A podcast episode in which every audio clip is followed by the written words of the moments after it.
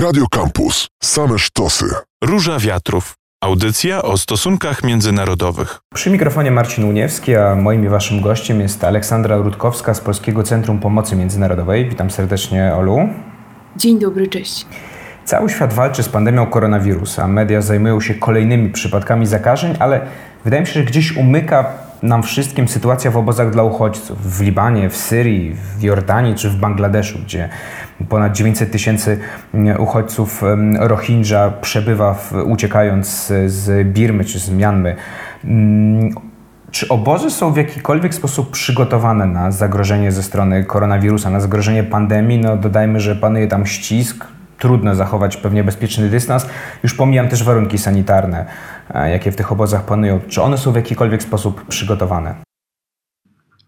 Organizacje mm, humanitarne, e, takie jak Polskie Centrum Pomocy Międzynarodowej, e, podejmuje wszelkie działania, e, żeby te obozy jak najlepiej przygotować. To jest dokładnie wszystko to, co powiedziałeś. To są przestrzenie zatłoczone, to są miejsca, gdzie rzeczywiście ta odległość, o której my mówimy tutaj, czy w Polsce, czy w Europie, dwóch metrach odległości, w obozie dla uchodźców jest absolutnie mm, odległością niemożliwą do zrealizowania E, w mm, północno-zachodniej części Syrii, gdzie mm, właśnie dostarczyliśmy mm, modułowe domy, które mają być częścią takiego, takiego ośrodka kwarantanny, który jest budowany przez e, ONZ. Tam e, mówimy o sytuacji, w której na jednym kilometrze kwadratowym e, mieszka ponad 3000 ludzi. To znaczy, to jest ta przestrzeń, którą już e, na początku tego roku e, określano mianem nowej strefy gazy, to znaczy takiego, takiej przestrzeni, w której rzeczywiście to natężenie ludzi na małym, e, na małym terenie, ludzi wycieńczonych, e, wymęczonych prawie dziesięcioletnią ucieczką przed bombardowaniami, stawia ich przed kolejnym gigantycznym zagrożeniem, e, jakim jest zderzenie się z niewidzialnym wrogiem. I tutaj rzeczywiście, żeby móc toczyć e, walkę, jeśli tak, tak możemy, bo to, to jest to sformułowanie, które często się pojawia, jeżeli mówimy o, o tym, jak sobie radzić z pandemią e, koronawirusa e, czy COVID-19, mm, to tam trudno mówić o, o, o jakichkolwiek szansach na, na, na zapobieżenie temu. Dlatego te wszelkie wysiłki, które podejmują organizacje takie jak nasza, ale też, też wiele innych, skupiają się na tym, żeby e, zapobiec pojawieniu się pierwszego e, przypadku. Bo w momencie, w którym powiemy o tym pierwszym przypadku, to będzie już za późno. To znaczy wtedy rzeczywiście będziemy mówić już o o dramacie, o efekcie domina, o efekcie pożaru.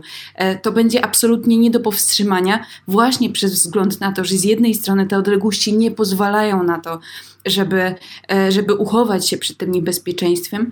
E, po kolejne, to są ludzie, którzy przecież są absolutnie wycieńczeni, czy ucieczką, czy właśnie życiem przez ostatnie kilka lat właśnie w ciągłym stresie, w ciągłym przenoszeniu się z miejsca do miejsca. E, to są ludzie, którzy mają ograniczone możliwości do mm, kontaktu z lekarzem.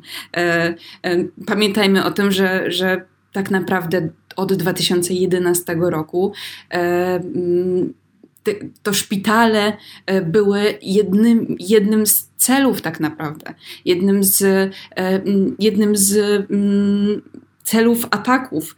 E, one przestały tak naprawdę e, pełnić swoją społeczną rolę, one przestały być bezpieczne, one przestały spełniać funkcje. E, mm, tak naprawdę dbałość o zdrowie, o bezpieczeństwo, o życie tych ludzi jest praktycznie nie, jest niemożliwa do zrealizowania. To są ludzie, którzy mm, są, wdzięcz, są więc nieodporni też e, pod względem fizycznym na to niebezpieczeństwo, które na nich czyha. Więc to, to ryzyko zakażenia jeszcze potęguje się właśnie przez, e, przez wzgląd na to. Mm, mm po kolejne. Jako Polskie Centrum Pomocy Międzynarodowej Macie jakieś dane, chociażby szacunkowe, bo rząd syryjski nie podaje takich danych, mm, albo je zakłamuje, jeśli jakiekolwiek podaje. Jak wygląda sytuacja epidemiologiczna, no właśnie, chociażby w Syrii, czy chociażby w Libanie, tam gdzie te obozy są największe, tam gdzie tych uchodźców jest najwięcej, no i tam gdzie ten koronawirus najszybciej mm, może dotrzeć? To znaczy oficjalne dane mówią o tym. To są dane sprzed e, godziny. My rozmawiamy, rozmawiamy we wtorek, e, więc może od razu powiedzmy, e, te ostatnie dane mówią o ponad 47 przypadkach e, zakażeń e, COVID-19.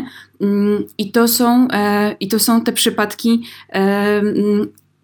spoza terenu obozu. Ale Mm, jakby pamiętajmy o tym, że w całej Syrii mm, takich testów e, do 3 maja, bo to są te ostatnie dane oficjalne ONZ-u, które, e, które, które mamy, mm, tych testów wykonano ponad 2,5 tysiąca, z czego 300 testów północno-zachodniej Syrii.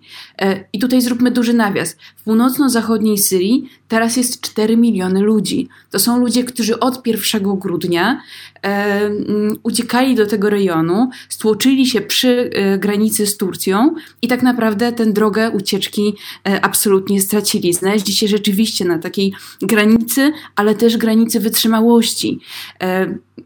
Co o tym świadczy? Świadczy o tym fakt, że mm, z tych 4 milionów ludzi to jest oczywiście z jednej strony e, prowincja Idlib, ale także e, północne Aleppo.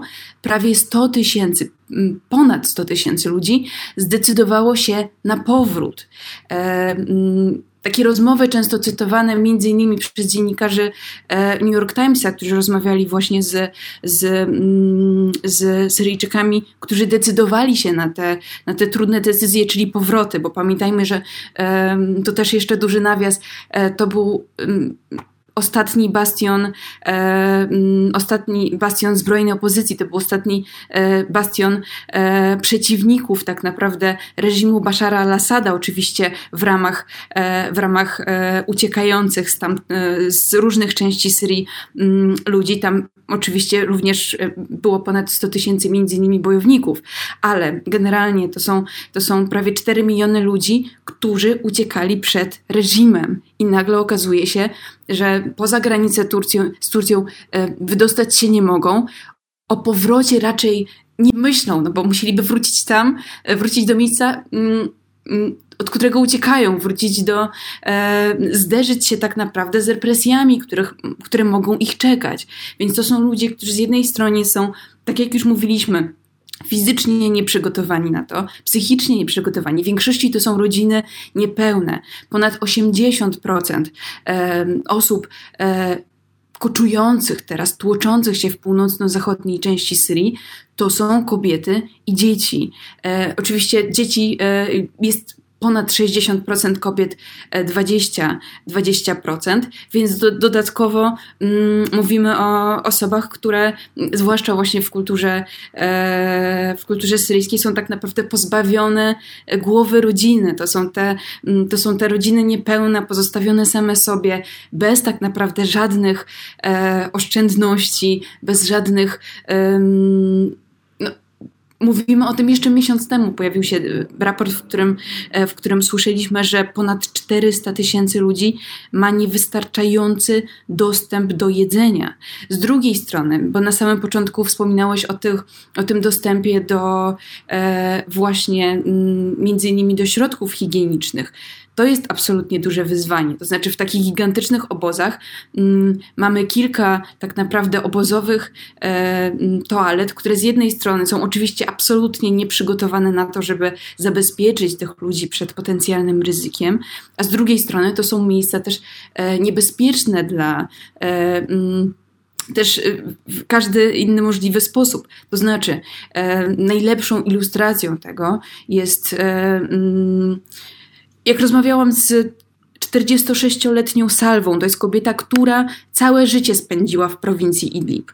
E, I ona opowiadała, w jaki sposób ten, e, ta prowincja zmieniła się, e, a w zasadzie to miejsce, w którym ona mieszkała, mieszkała właśnie bezpośrednio w Idlibie, będącym stolicą tejże prowincji. Mówiła, że nigdy w życiu, a przeżyła lat 46, takiego eksodusu nie widziała. Nie widziała rzeczywiście tylu młodych kobiet, nieletnich kobiet w ciąży. Aleksandra Rutkowska, Polskie Centrum Pomocy Międzynarodowej, a rozmawiamy o sytuacji mm, w obozach dla uchodźców na całym świecie. Rozmawialiśmy teraz chwilę o Syrii, ale też Liban, Jordania, Bangladesz, Grecja chociażby. Mm, rozmawiamy o tych obozach w kontekście oczywiście pandemii koronawirusa i tego, co się może stać, jeśli mm, wirus y, SARS-CoV-2 dotrze do tych obozów. The Economist pisze, że obozy dla uchodźców na całym świecie, dodajmy, że jest mniej więcej 70 milionów ludzi na całym świecie w różnego rodzaju obozach dla uchodźców, obozach przejściowych, no one są według The Economist taką, w cudzysłowie to biorę, tykającą koronawirusową bombą. Co będzie, jak SARS-CoV-2 dotrze do tych e, obozów, do tych azyli? E, dzień dobry ponownie.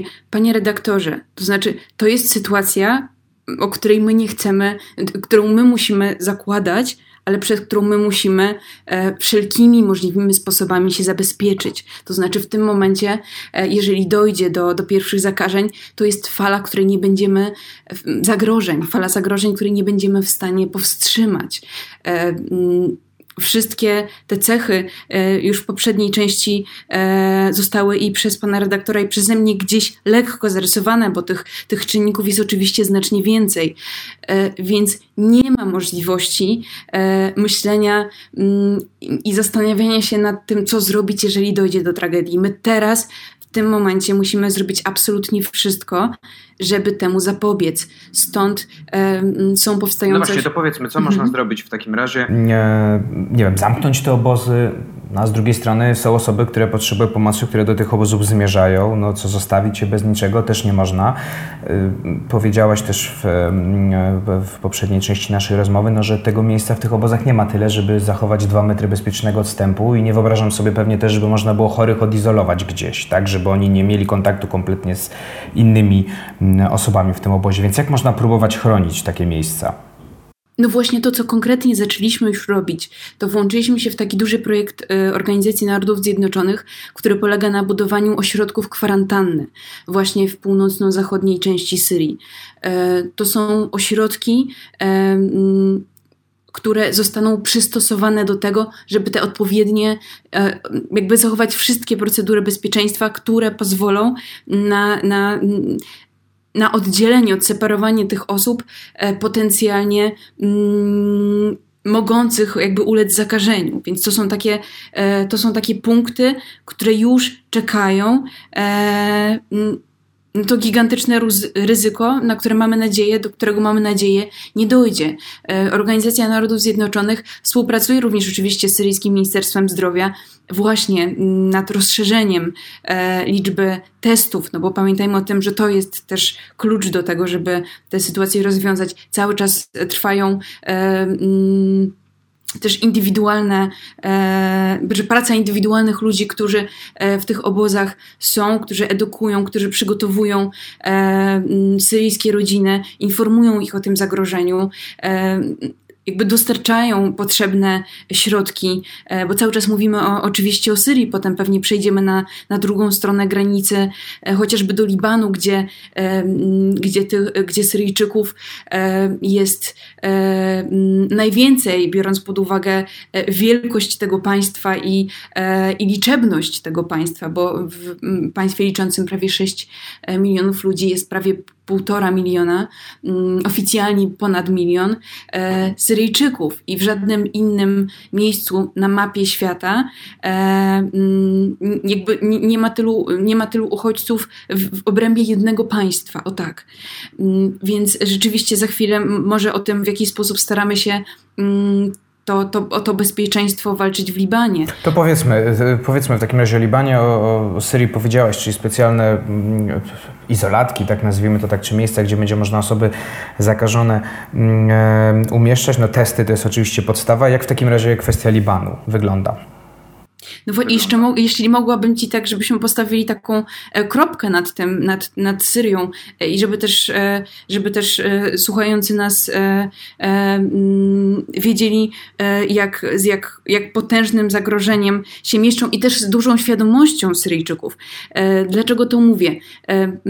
Prawie te ponad 100 tysięcy osób, które zdecydowało się wrócić do, e, do miejsc, które wcześniej były domami, teraz to tak naprawdę są gruzy. Pamiętajmy, że 40% całego tego e, mm, rejonu, e, który był przez ostatnie lata mm, ogarnięty wojną, jest zamieniony w gruzy. Więc wiele z tych rodzin, to jest ponad 100 tysięcy ludzi, zdecydowało się na powrót właśnie do miejsc, w których nie ma absolutnie niczego, e, właśnie dlatego, że tego niewidzialnego wroga, jakim jest, e, jakim jest koronawirus, boją się bardziej niż bombardowań.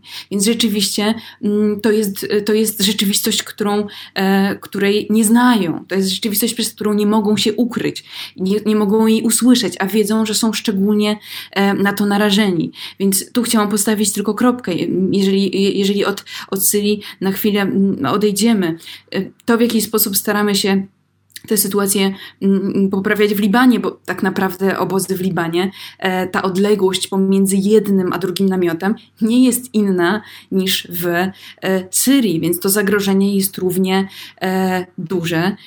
Więc te działania, które podejmujemy, to, mm, to, to troska o zapewnienie środków ochrony indywidualnej, tak naprawdę wszystkie projekty, które do tej pory prowadziliśmy. Czyli musimy pamiętać o tym, że to nie chodzi tylko o zabezpieczenie się przed e, zagrożeniem, ale też o to, żeby mimo e, tego, że jakby wszyscy mierzymy się z pewnymi utrudnieniami, to znaczy e, my prowadzimy klinikę zdrowia w Libanie między innymi, więc ta klinika została specjalnie przystosowana do tego, żeby pacjentów e, móc w dalszym ciągu przyjmować.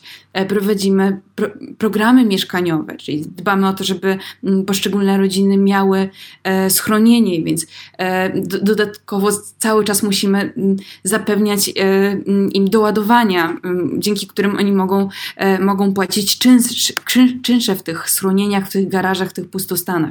Więc tak naprawdę wszystkie te działania, które do tej pory podejmowaliśmy, y, no, musiały ulec zmianie. To znaczy, wszystkie te nasze wysiłki są zwielokrotnione właśnie dlatego, że mm, te działania się i ta, ta sytuacja y, się o tyle radykalnie zmieniła, że to nie chodzi tylko o, o to zabezpieczenie, tylko o dramatyczne pogorszenie e, sytuacji e, wszystkich tych rodzin. Czy, czy, jeśli chodzi o dostęp do, mm, do żywności, która i w Libanie w związku z kryzysem gospodarczym jest, e, jest coraz wyższa, czy w Syrii w związku z kryzysem gospodarczym jest coraz wyższa, tak naprawdę od listopada 2019 roku ceny żywności cały czas wraz, e, wzrastają. E, jeśli chodzi o e, spadek wartości funta syryjskiego, e, tak naprawdę w tym momencie, e, żeby jakby 1400 funtów syryjskich e, mm, wart jest 1 dolar. Jeszcze, jeszcze rok temu to było mm, trzy razy mniej.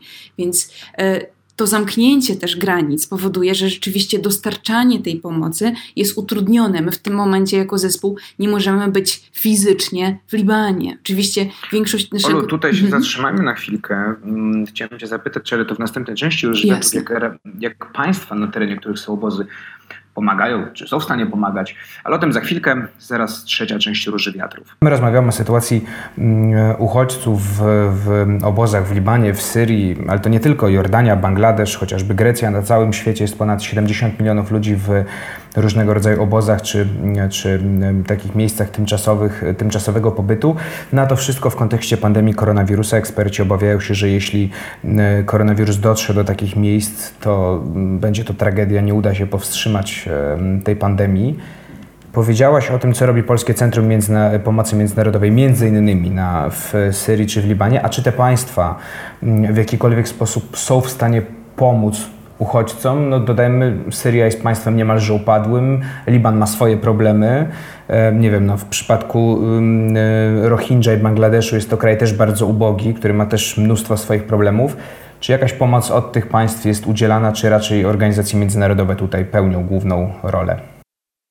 To znaczy, to jest bardzo dobre pytanie, bo tak naprawdę e, właśnie podpisaliśmy e, duży projekt e, właśnie z Libańskiego Funduszu Humanitarnego, to jest oczywiście jeden z funduszy regionalnych e, Biura e, Narodów Zjednoczonych, e, UNOCHA, e, dobrze nam znanego, mm, ale to pokazuje, że mm, to jest to jest fundusz libański dedykowany. Mm, I w ramach tego funduszu mamy jako Polskie Centrum Pomocy Międzynarodowej przygotować dla ponad 20 tysięcy syryjskich e, rodzin e, pomoc zimową, bo pamiętajmy o tym, że za kilka miesięcy e, ta pogoda się dramatycznie zmieni. Te działania, które podejmujemy, zaczynają się przecież wiele miesięcy wcześniej. To znaczy, co w sytuacji, kiedy pożegnamy się z e, pandemią. To znaczy, rzeczywiście nie możemy e, zaprzestać tych działań, które wykonujemy jakby kilka miesięcy. i musimy rozpocząć je wiele miesięcy wcześniej. E, tak naprawdę wciąż odbudowujemy te namioty, które po poprzedniej zimie ucierpiały. Więc jeśli pytasz mnie o to, czy rzeczywiście to zaangażowanie jest, Oczywiście, oczywiście jest e, i gdyby nie, nie współpraca z Libanem, bo my też jesteśmy e, i, i z władzami libańskimi, bo my jesteśmy jedyną polską organizacją zarejestrowaną w Libanie. To znaczy my rzeczywiście płacimy tam podatki, funkcjonujemy jako e, tak naprawdę jako część może nie lokalnej, bo, bo jakby współpracujemy w dużej mierze i większość naszego zespołu też jest e, Libańczykami, tak naprawdę większość naszej misji, więc to jest takie pytanie pewnie na, na, bardzo, bardzo rozległe i zależnie od interpretacji można mówić o tym, w jaki sposób Liban się angażuje. Tak naprawdę no, większość naszego zespołu to są Libańczycy, i tak naprawdę te, e, te projekty, które e, przygotowujemy e, i które w ramach UN OCHA, ale właśnie poprzez libański, poprzez libańskiego donora tak naprawdę jesteśmy w stanie realizować i to, to oni nam pozwalają to, to dokonywać. Olu, jeszcze dokonywać. pytanie. Już czas nas goni, więc prosiłbym Cię, dwie minuty nam zostały, więc taką zwartą odpowiedź y, zapytam, mm, tak trochę może cynicznie patrząc na sytuację, ale świat taki trochę jest, czy nie będzie tak, że jak pojawi się lek czy szczepionka na koronawirusa, na COVID-19, lek na COVID-19, szczepionka na koronawirusa, to niestety, biorąc pod uwagę to, że to pewnie państwa Zachodu pierwsze taki yy, lek opracują, no to on będzie oczywiście między, rozprowadzany między obywatelami tych państw. Gdzieś to globalne południe, a idąc jeszcze, jeszcze głębiej, czyli obozy dla uchodźców, yy, czy państwa, gdzie trwa wojna, gdzie znajdują się te obozy, no taką szczepionkę, taki lek dostaną niestety na końcu.